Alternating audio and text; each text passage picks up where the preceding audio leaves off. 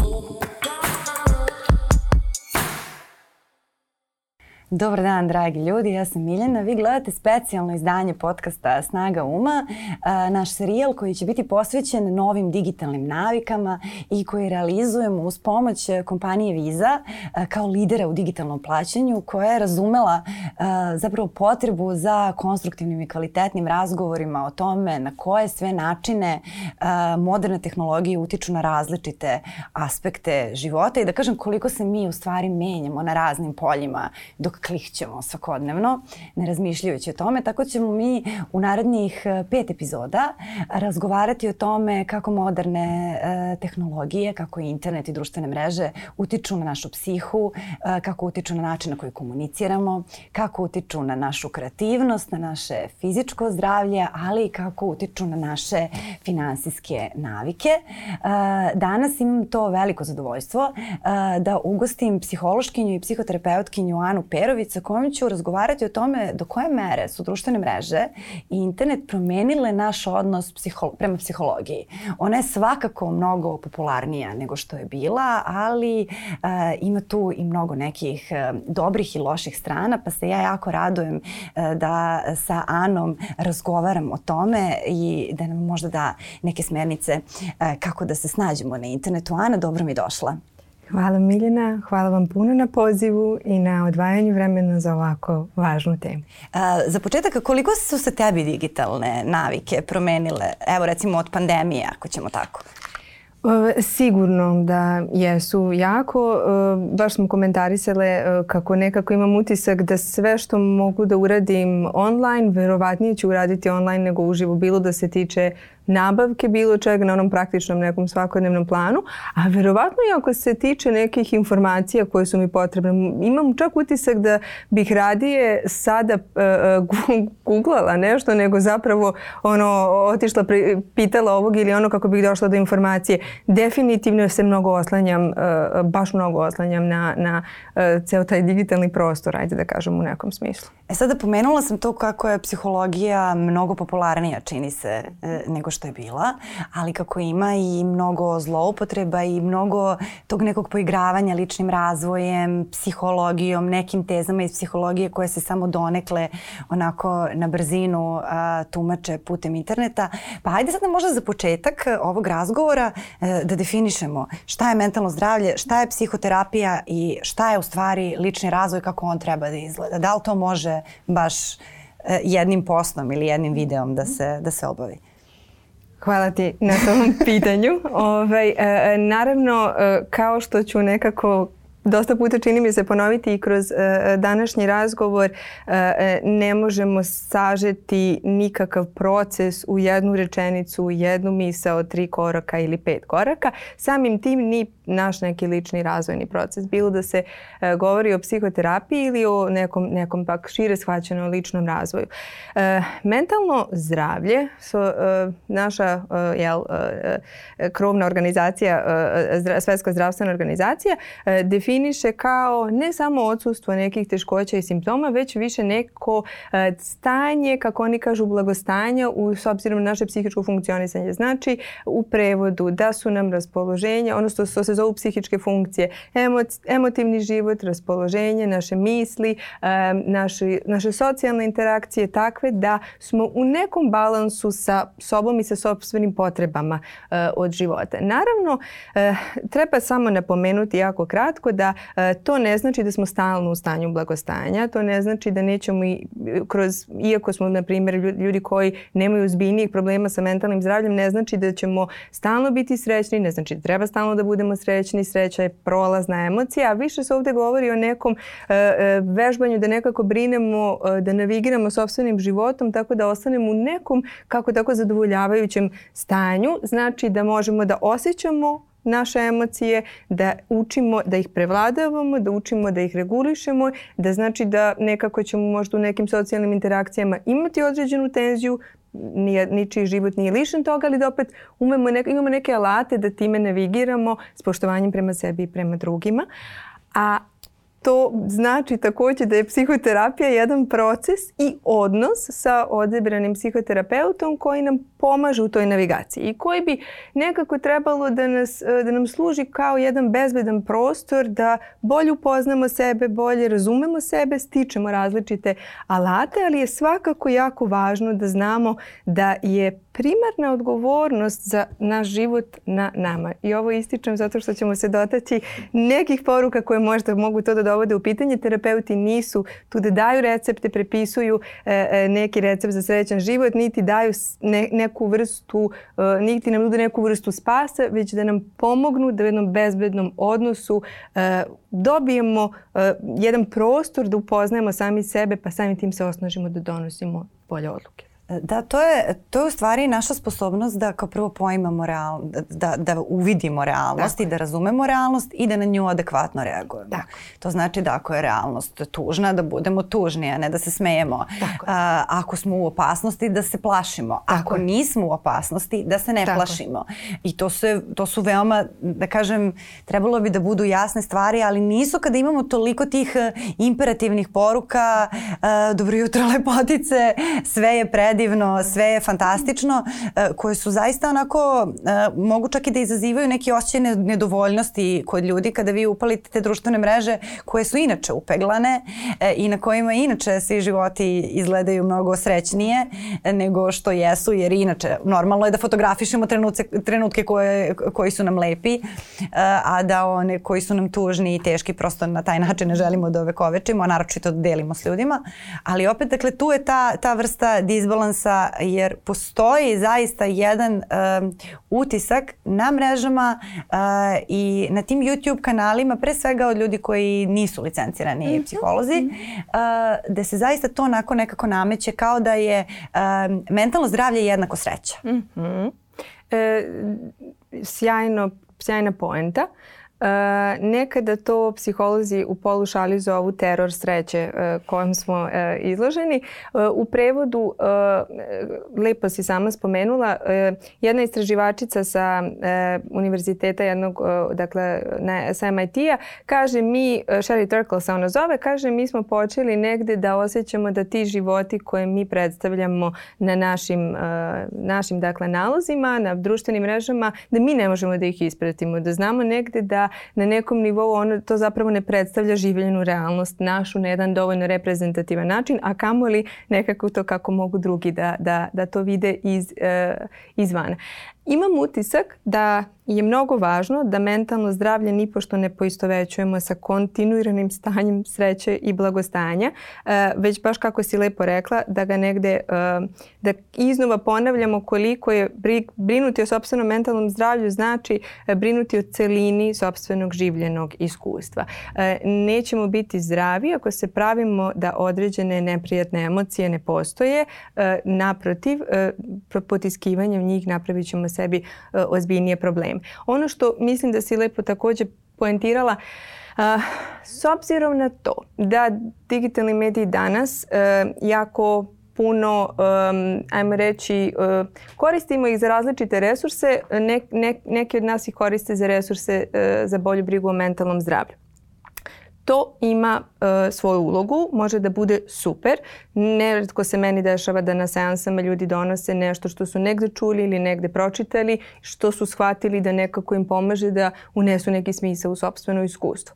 E, to takođe na neki način može da pomogne, odnosno ljudi koji uopšte otvorenije govore o mentalnom zdravlju na digitalnim medijima, pomažu nam da otklonimo stigmu, pomažu nam da negde vidimo e, više univerzalnog u tom iskustvu, jer nismo sami u tome. Nalozi koji pričaju, nalozi, odnosno ljudi iza tih naloga koji, koji se bave mentalnim zdravljem često okupe neku vrstu zajednice koja onda može i nekad u komentarima ili na neki drugačiji način da deli zapravo svoje iskustvo, pa samim tim negde pomažu da se ljudi osjećaju manje usamljeno. Definitivno ima jako puno benefita. E, imamo otvoreni dijalog. Hajmo reći nekako čak u nekom smislu psiholozi prepoznaju da je od pandemije na ovamo taj dijalog čini se sve otvoreni, manja je stigma e, baviti se sopstvenim unutrašnjim životom, e, obratiti se psihologu i tako dalje.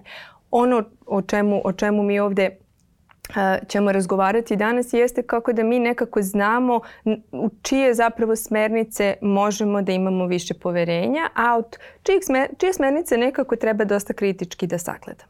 E sad, ja ovde imam jednu anketu koju je isto Viza spreme, e, sprovela baš u vezi sa digitalnim navikama i čak 42% ispitanika je reklo da su od pandemije značajno porasle njihove digitalne navike, a 28% ljudi je reklo da su one postale uglavnom digitalne. To je ogroman broj ljudi koji je za relativno kratko vreme promenio svoj način života, možda čak i način informisanja. To znači da neminovno, e, svesno ili ne, oni u situacijama kada kada se osjećaju potišteno, uplašeno eh, ili na bilo koji način pomereno iz te pozicije mira će imati kontakt sa nekim digitalnim sadržajem i sad od njihovih algoritama eh, zavisi da li će ti sadržaj biti konstruktivni ili će biti agresivni i ovakvi ili onakvi. Kako se tu tako. snađi, snaći? Jer mi smo prva generacija koja se sa tim susreće u stvari. Tako je, tako je. Um, Čak je zanimljivo ovo što si sada spomenula. Rekla bih da bi bilo jedno jako zanimljivo istraživanje kada smo uznemireni. Uh, Mhm. Hoćemo li posegnuti za telefonom ili za drugom osobom ako nam je ona na raspolaganju? Hoćemo li popričati s nekim?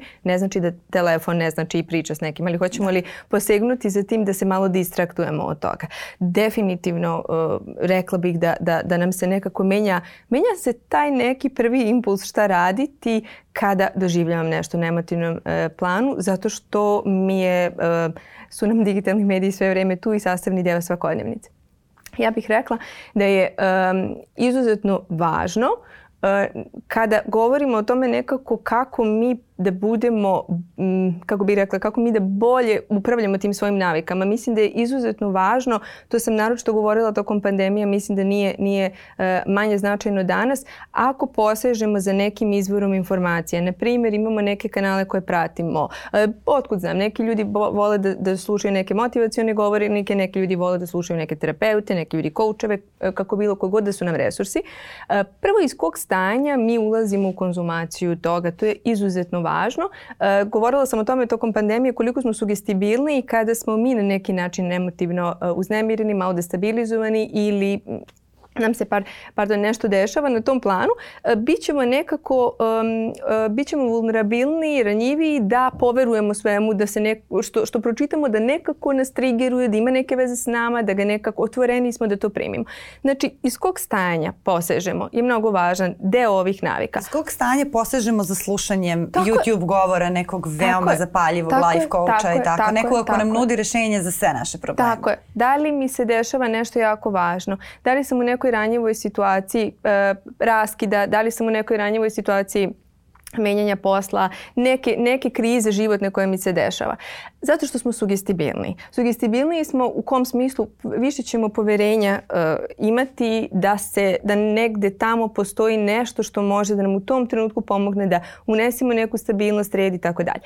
Gde je, dakle, rizik? E, rizik je vezan za to e, kome ćemo pokloniti to poverenje. Odnosno, da li smo zapravo u tom trenutku e, takođe i dovoljno sposobni da procenimo koga u tom trenutku biramo da jel, poslušamo, kakvi su to saveti, pa onda idemo dalje koji je kredibilitet te osobe, da li smo proverili šta je njena stručnost, da li smo proverili e, kakav je to kanal koji pratimo i tako dalje.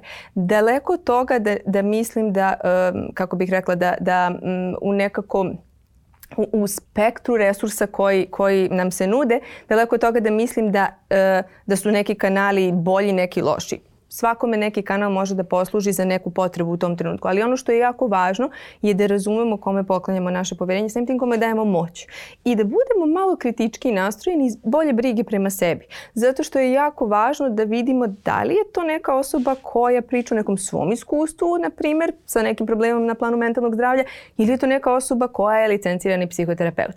Jedno od istraživanja koje sam ja pročitala, mislim da se negde u Americi radilo, jeste e, zapravo da ljudi na mreži koja se zove zove TikTok, često ne mogu da razaznaju, ne mislim da je to samo za tu mrežu, ali eto, na njoj su radili neko istraživanje, ne mogu da razaznaju uh, da li se radi o nekome ko je zapravo stručnjak u oblasti mentalnog zdravlja ili je to neka osoba koja samo je prosto nekako rešila da na neki otvoren način priča i pokuša da iz isku, svog iskustva pomene, uh, nekako pomogne drugima, a to radi na dovoljno samouveren način, pa ljudi zaista ne znaju uh, i ne bi mogli da razaznaju, a da ne pogledaju uh, zapravo uh, dakle, opis profila i jel, šta ta osoba nudi od svojih titula, zvanja i tako dalje. Ali koliko je opasna ta banalizacija? Mi imamo neke e, kategorije koje se koriste u psihoterapiji e, i u raz, različitim terapijskim pristupima e, kao što su afirmacije. E, imamo neke termine e, diagnostičke kao što je, ne znam, poremećaj granica, e, narcisoidni poremećaj, pore, ne znam, odnosi sa, sa majkom, sa ocem. To su sve vrlo kompleksni, e, kompleksni termini e, za koje se vi školujete po pet godina godina, pa onda idete još 5 godina, pa onda ceo život se školujete dodatno i onda sad kao ajde, evo ti Instagram post, e, objasni to i to onda zapravo stvori neku iluziju razumevanja. Koliko je to, koliko je to opasno? Jeste, li, jeste li nailazili? Mi smo sad čas na vi, na čas na ti, zato što smo prešla na ti pre emisije. I sad se da ostanemo. Ali možemo na ti. A, koliko si puta nailazila na takve neke, da kažem, polu, polu stavove o tome, sad sam ja došla kod tebe na terapiju, moja dijagnoza je to, to, to i to dajmo reći ne jako puno puta, ali dovoljno puta da vidim da, da, je, to, da je to trend. E, spomenula Jeste sam trend. ti anegdotu da je meni poznanica rekla u nekom trenutku da je krajnje vreme da ja shvatim da kao psihoterapeut je jedan deo moje odgovornosti da umem sve relevantno što imam da kažem na temu mentalnog zdravlja kažem u 15 sekundi i otvorim svoj TikTok ili koji god nalog kako bi zapravo doprla do više ljudi. E, verujem da ideja iza toga bila dobronamerna doprati do više ljudi, ali e, e postoji jedan trend, slažem se s tobom, banalizacije e, ozbiljnosti e, terapijskog procesa, e, ozbiljnosti promene, ozbiljnosti toga da nije moguće u tri koraka rešiti većinu zapravo nekih izazova na, na, na planu mentalnog zdravlja koje imamo. Ono što je jako važno, na nalozima koji su zapravo vođeni od strane psihoterapeuta. Često ćete naći na neke smernice gdje oni kažu evo nekih pet odlika za nešto. Takođe će od te osobe, naravno sad ako se ona trudi nekako da ostane u, u domenu etič, etičkog, e, e, negde na tom profilu pročitati, poželjno jel, da bude što, što jasnije, da e, sve te smernice ne mogu niti treba nikome da zamene terapijski proces, ne nude lažnu nadu da će vam nužno biti bolje ili da će vam prosto prosto da će svačije iskustvo baš tako izgledati kako ga je neko opisao. E, ovo, ovaj isti članak koji sam malo pre spomenula spominje kako neka žena koja je, rekla bih da se bavi neko, nekom vrstom novinarstva u Americi, podelila kako kod nje izgleda visokofunkcionalna anksioznost. Ali to zaista ne znači da to izgleda tako kod svake osobe i kada je ona rekla ovo, su, ovo je pet znaka, ona je zaboravila da kaže ovo je ono što sam ja prepoznala kao svojih pet znakova i na svojoj možda terapiji ili gde god, koje god da su mi resursi, ovo je kod, za mene tako izgledalo. To je izuzetno um, opasno iz kog razloga? Dolaze ljudi na psihoterapiju i kažu da su diagnostikovali sebi e, ADHD. Zašto? Zato što je negde neko rekao da su to znaci sigurno koji ukazuju na ADHD. Znači, ne treba sebe da samo diagnostikujemo, niko od nas ne može sebe da samo diagnostikuje, zato postoje e, stručnjaci koji mogu da nam pomognu, ako nam je zaista vredna klinička procena, nekim ljudima jeste, postoje stručnjaci koji se školuju da to prođu, postoje postupci putem kojih mi negde postavljamo te hipoteze o tome da bi moglo da se radi o nekoj diagnozi ili nekoj drugoj. I može da bude jako možda da nas usmeri na jedan potpuno uh, uh, u jednom pogrešnom smeru kada pokušamo da brinemo o sebi. Jer brinuti o sebi ka, kada mislim da imam poremeće pažnje, sprem toga da možda, a ovo je uh, relativno čest slučaj, možda imam neku vrstu, ajmo reći, traumatskih iskustava koje, koji su neprorađeni, pa mi negde nervni sistem i telo uh, reaguju tako što uh, gubim fokus, su potpuno dva drugačija plana, uh, brige o, o sebi, o mentalnom zdravlju i tako dalje, tako dalje. Uvek i za sve za što nisu ljudi sigurni, a nađu negde na društvenim eh, mrežama, mislim da je jako dobro da konsultuju nekoga. I tu postoji taj faktor, uh, uliva nam sigurnost kada nam neko objasni da je to što imamo ili to što osjećamo nešto što se lako rešava i kada se pojednostavi. E, mi težimo jednostavnim rešenjima, a zapravo za, za ozbiljne stvari rešenja nikada nisu. E, nikada nisu. Mislim, ne, ne mogu ni u tri, u tri koraka ne mogu ni da se našminkam. A li da rešim neki problem koji vučem, na primjer, iz detinstva ili tako nešto. Jer tu zapravo ta glavna začkoljica, ta ogromna povodljivost jednostavnih rešenja rešenja, naročito kad smo slabi i kada nam je loše i kada nam treba neko jednostavno rešenje. Tako je. Uh, slažem se. Mislim da ja često nekako kažem ne postoji prečica ka tome da mi budemo bolje, ako je nam je ideja da budemo bolje. E, zato što je da bismo bili bolje, e, neophodno da razumemo šta nam je sada. Da bismo razumeli šta nam je sada, tu najčešće nam treba neka vrsta uh, podrške ili čak je poželjna neka vrsta podrške. Čak i ako ne govorimo o osobama koje imaju zbiljnije poteškoće sa, sa mentalnim zdravljem, uh, nego imamo neke izazove, pa ne možemo uvek sami sebe da sagledamo. I, i neko ko nas sa, sa neke uh, dobronamerne, empatične i neutralne pozicije promatra i sasluša i ko je obučen da nam, da nam pomogne, može mnogo uvide da nam da ili da nam pomogne da mi negde sami dođemo do toga. E, e, nijedna prečica na tom putu e, najčešće nije održiva.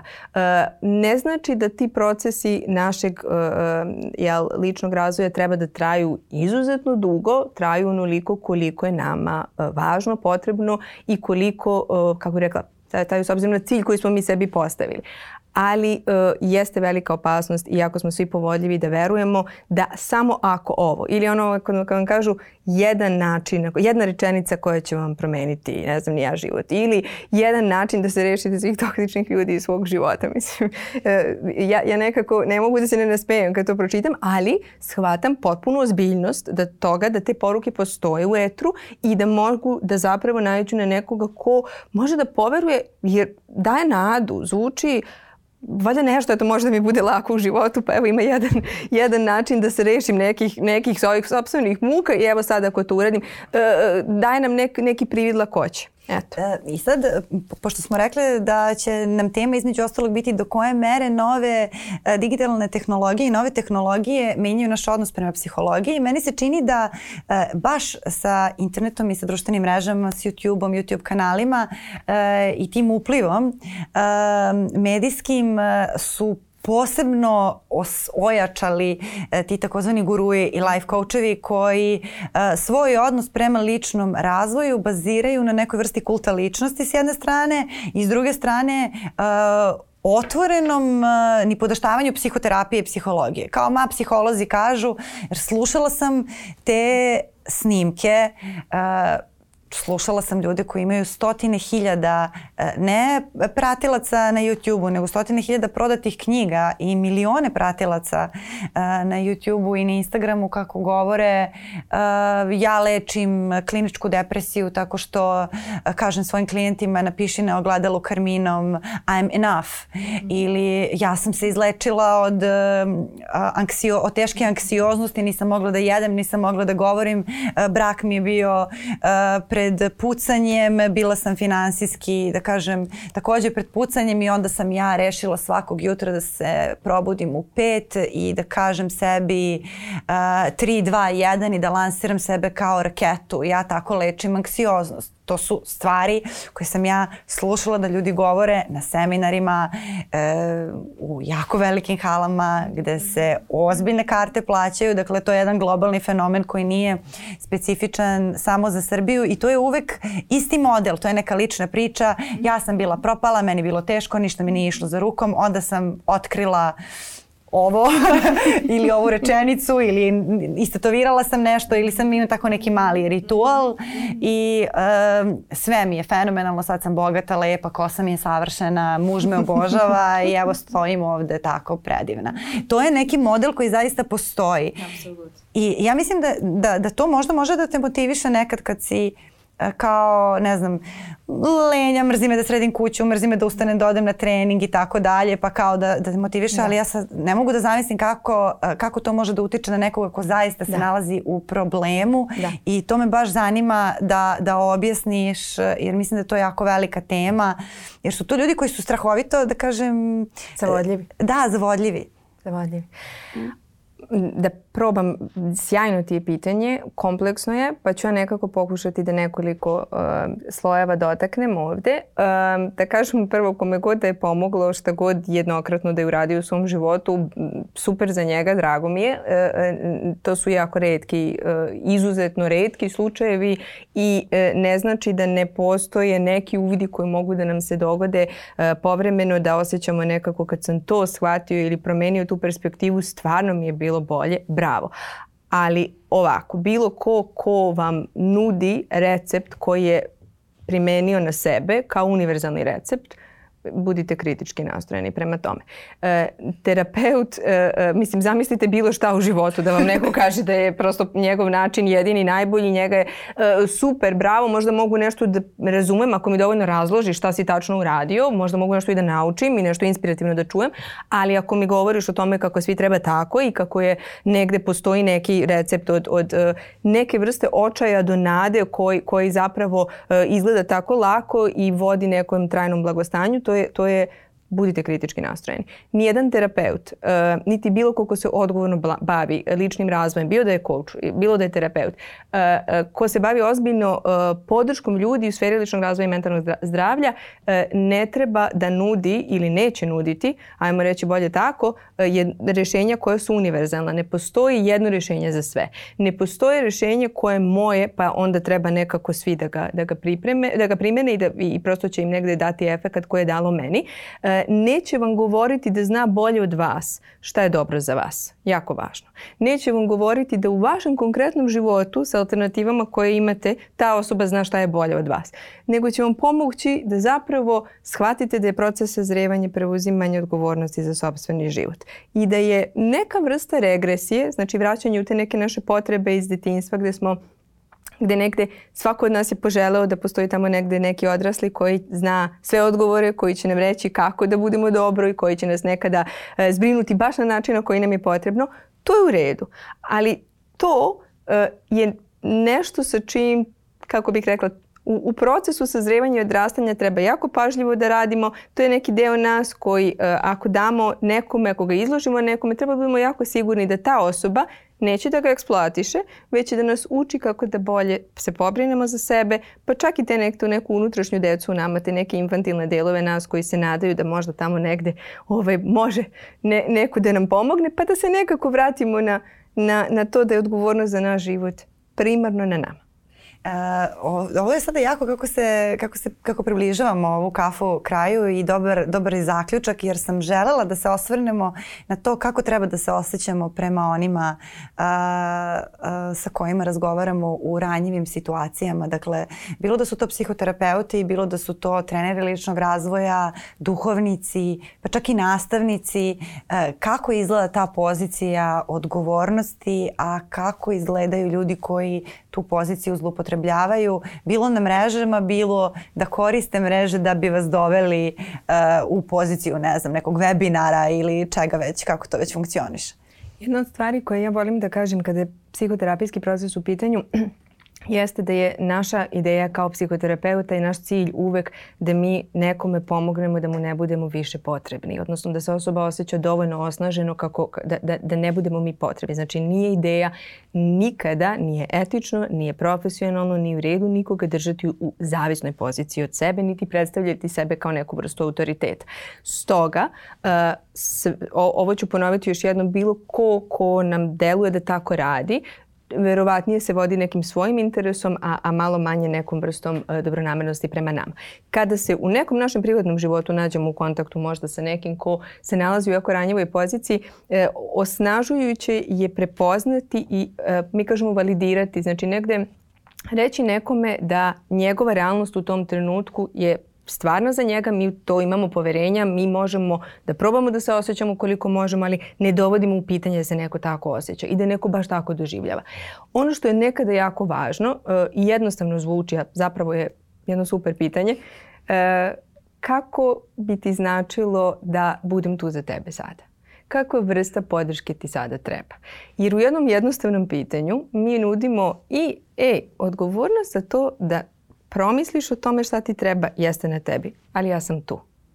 Ne umesto toga i ne, nije moje da, sma, da, da smišljam recept kako da ti pomognem, nije moje da te spasim, moje da budem tu, a ti mi pomozi da, pomozi da razumem kako da budem tu za tebe sada. I ako ne znaš sada, ok, možeš da mi kažeš kad budeš mislio ili smislio. I koliko sada od ovoga možemo da primenimo sledeći put kada se osjećamo uznemireno, a možda nismo ni svesni da smo uznemireni pa otvorimo um, ovaj, neku aplikaciju ili slično ili rešimo da biramo uh, koju ćemo knjigu možda slušati i koji ćemo sadržaj birati mm -hmm. za sebe. Kako ti to biraš kao neku vrstu poruke za kraj? Mm -hmm, mm -hmm. Kako to prodav, Super probrat? pitanje. E, ako smo u jako ranjivoj poziciji, e, Što znači da smo možda uznemireni, tužni, nešto nas je razočaralo, osjećamo neku vrstu psihološke patnje, boli, kako god da to nazovemo. Uh, može da bude jako važno da shvatimo da smo malo i sugestibilni, znači da prosto budemo malo selektivni vezano za to čemu se izlažemo često će ovi, ovi, ovi kanali koji su, ajmo reći, problematičnije, koje smo spominjale, da zapravo uh, učine da se osjećamo još gore kad nešto uh, pogledamo. Zato što će nam neko pričati o tome kako je nešto super uspeo i evo njemu je tamo nekako, uh, kako bih rekla, sjajno i savršeno, a mi negde sami u toj svojoj patnji u tom trenutku... Nisu Ni nisam ona žena osvojila sve. Da, tako je, da, tako je, bukvalno to. I, i, i, i znate šta je još važno? Znaš šta je još važno? Važno je jako da shvatimo, niko je psihoterapeut zaista nikad neće na taj način da banalizuje e, ni mentalno zdravlje i psihoterapeuti često imaju terapeute i psihoterapeuti prolaze kroz krize. E, e, vrlo će im jasno biti, ako naravno se trude da rade svoj posao kako treba, e, da, da neko ko u ranjivoj poziciji zapravo treba da misli onom prvom sledećem koraku koji mogu da uradim koliko god mali bio, da malo budem bolje E, nekada to znači da e, je taj prvi korak izaći ću na sunce u narednih 15 minuta, ako mogu da izađem, zavisnosti od svog stanja, jel, e, napolju. Nekada to može da bude, možda ću da odmorim od digitalnih medija, možda ću da... Možda ću da uraditi neku meditaciju, možda ću da uraditi neku vežbu disanja, možda ću da se setim s kim možda mogu da porazgovaram i da podelim, možda ću ovo da zapišem, što kako se sada osjećam. Prvi korak ne prvih 16, ne prvih 5, ne pet koraka do savršenstva kada mi više nikada neće trebati pomoć, prvi korak iz saosećanja prema sebi. Da probam da sebe razumem, da probam da sebi dozvolim, da osetim sebe i da probam da vidim šta bi mi sad pomoglo da budem malo bolje. Mnogo te hvala, Ana. Hvala vam. A, nadam se da se vidimo ponovo. Imamo mnogo tema za, Tako za razgovor i bit će prilike. A hvala i vama na vremenoj pažnji. A, gledali ste ili slušali a, specijal podcasta Snaga uma posvećen novim digitalnim navikama, tačnije načinom na koje moderna tehnologija, internet i društvene mreže utiču na to kako doživljamo psihologiju. A, nadam se da smo vam neke stvari pojasnili, da vam je ovaj razgovor prijao, a mi se vidimo i sledeće nedelje. Prijetno! Oh.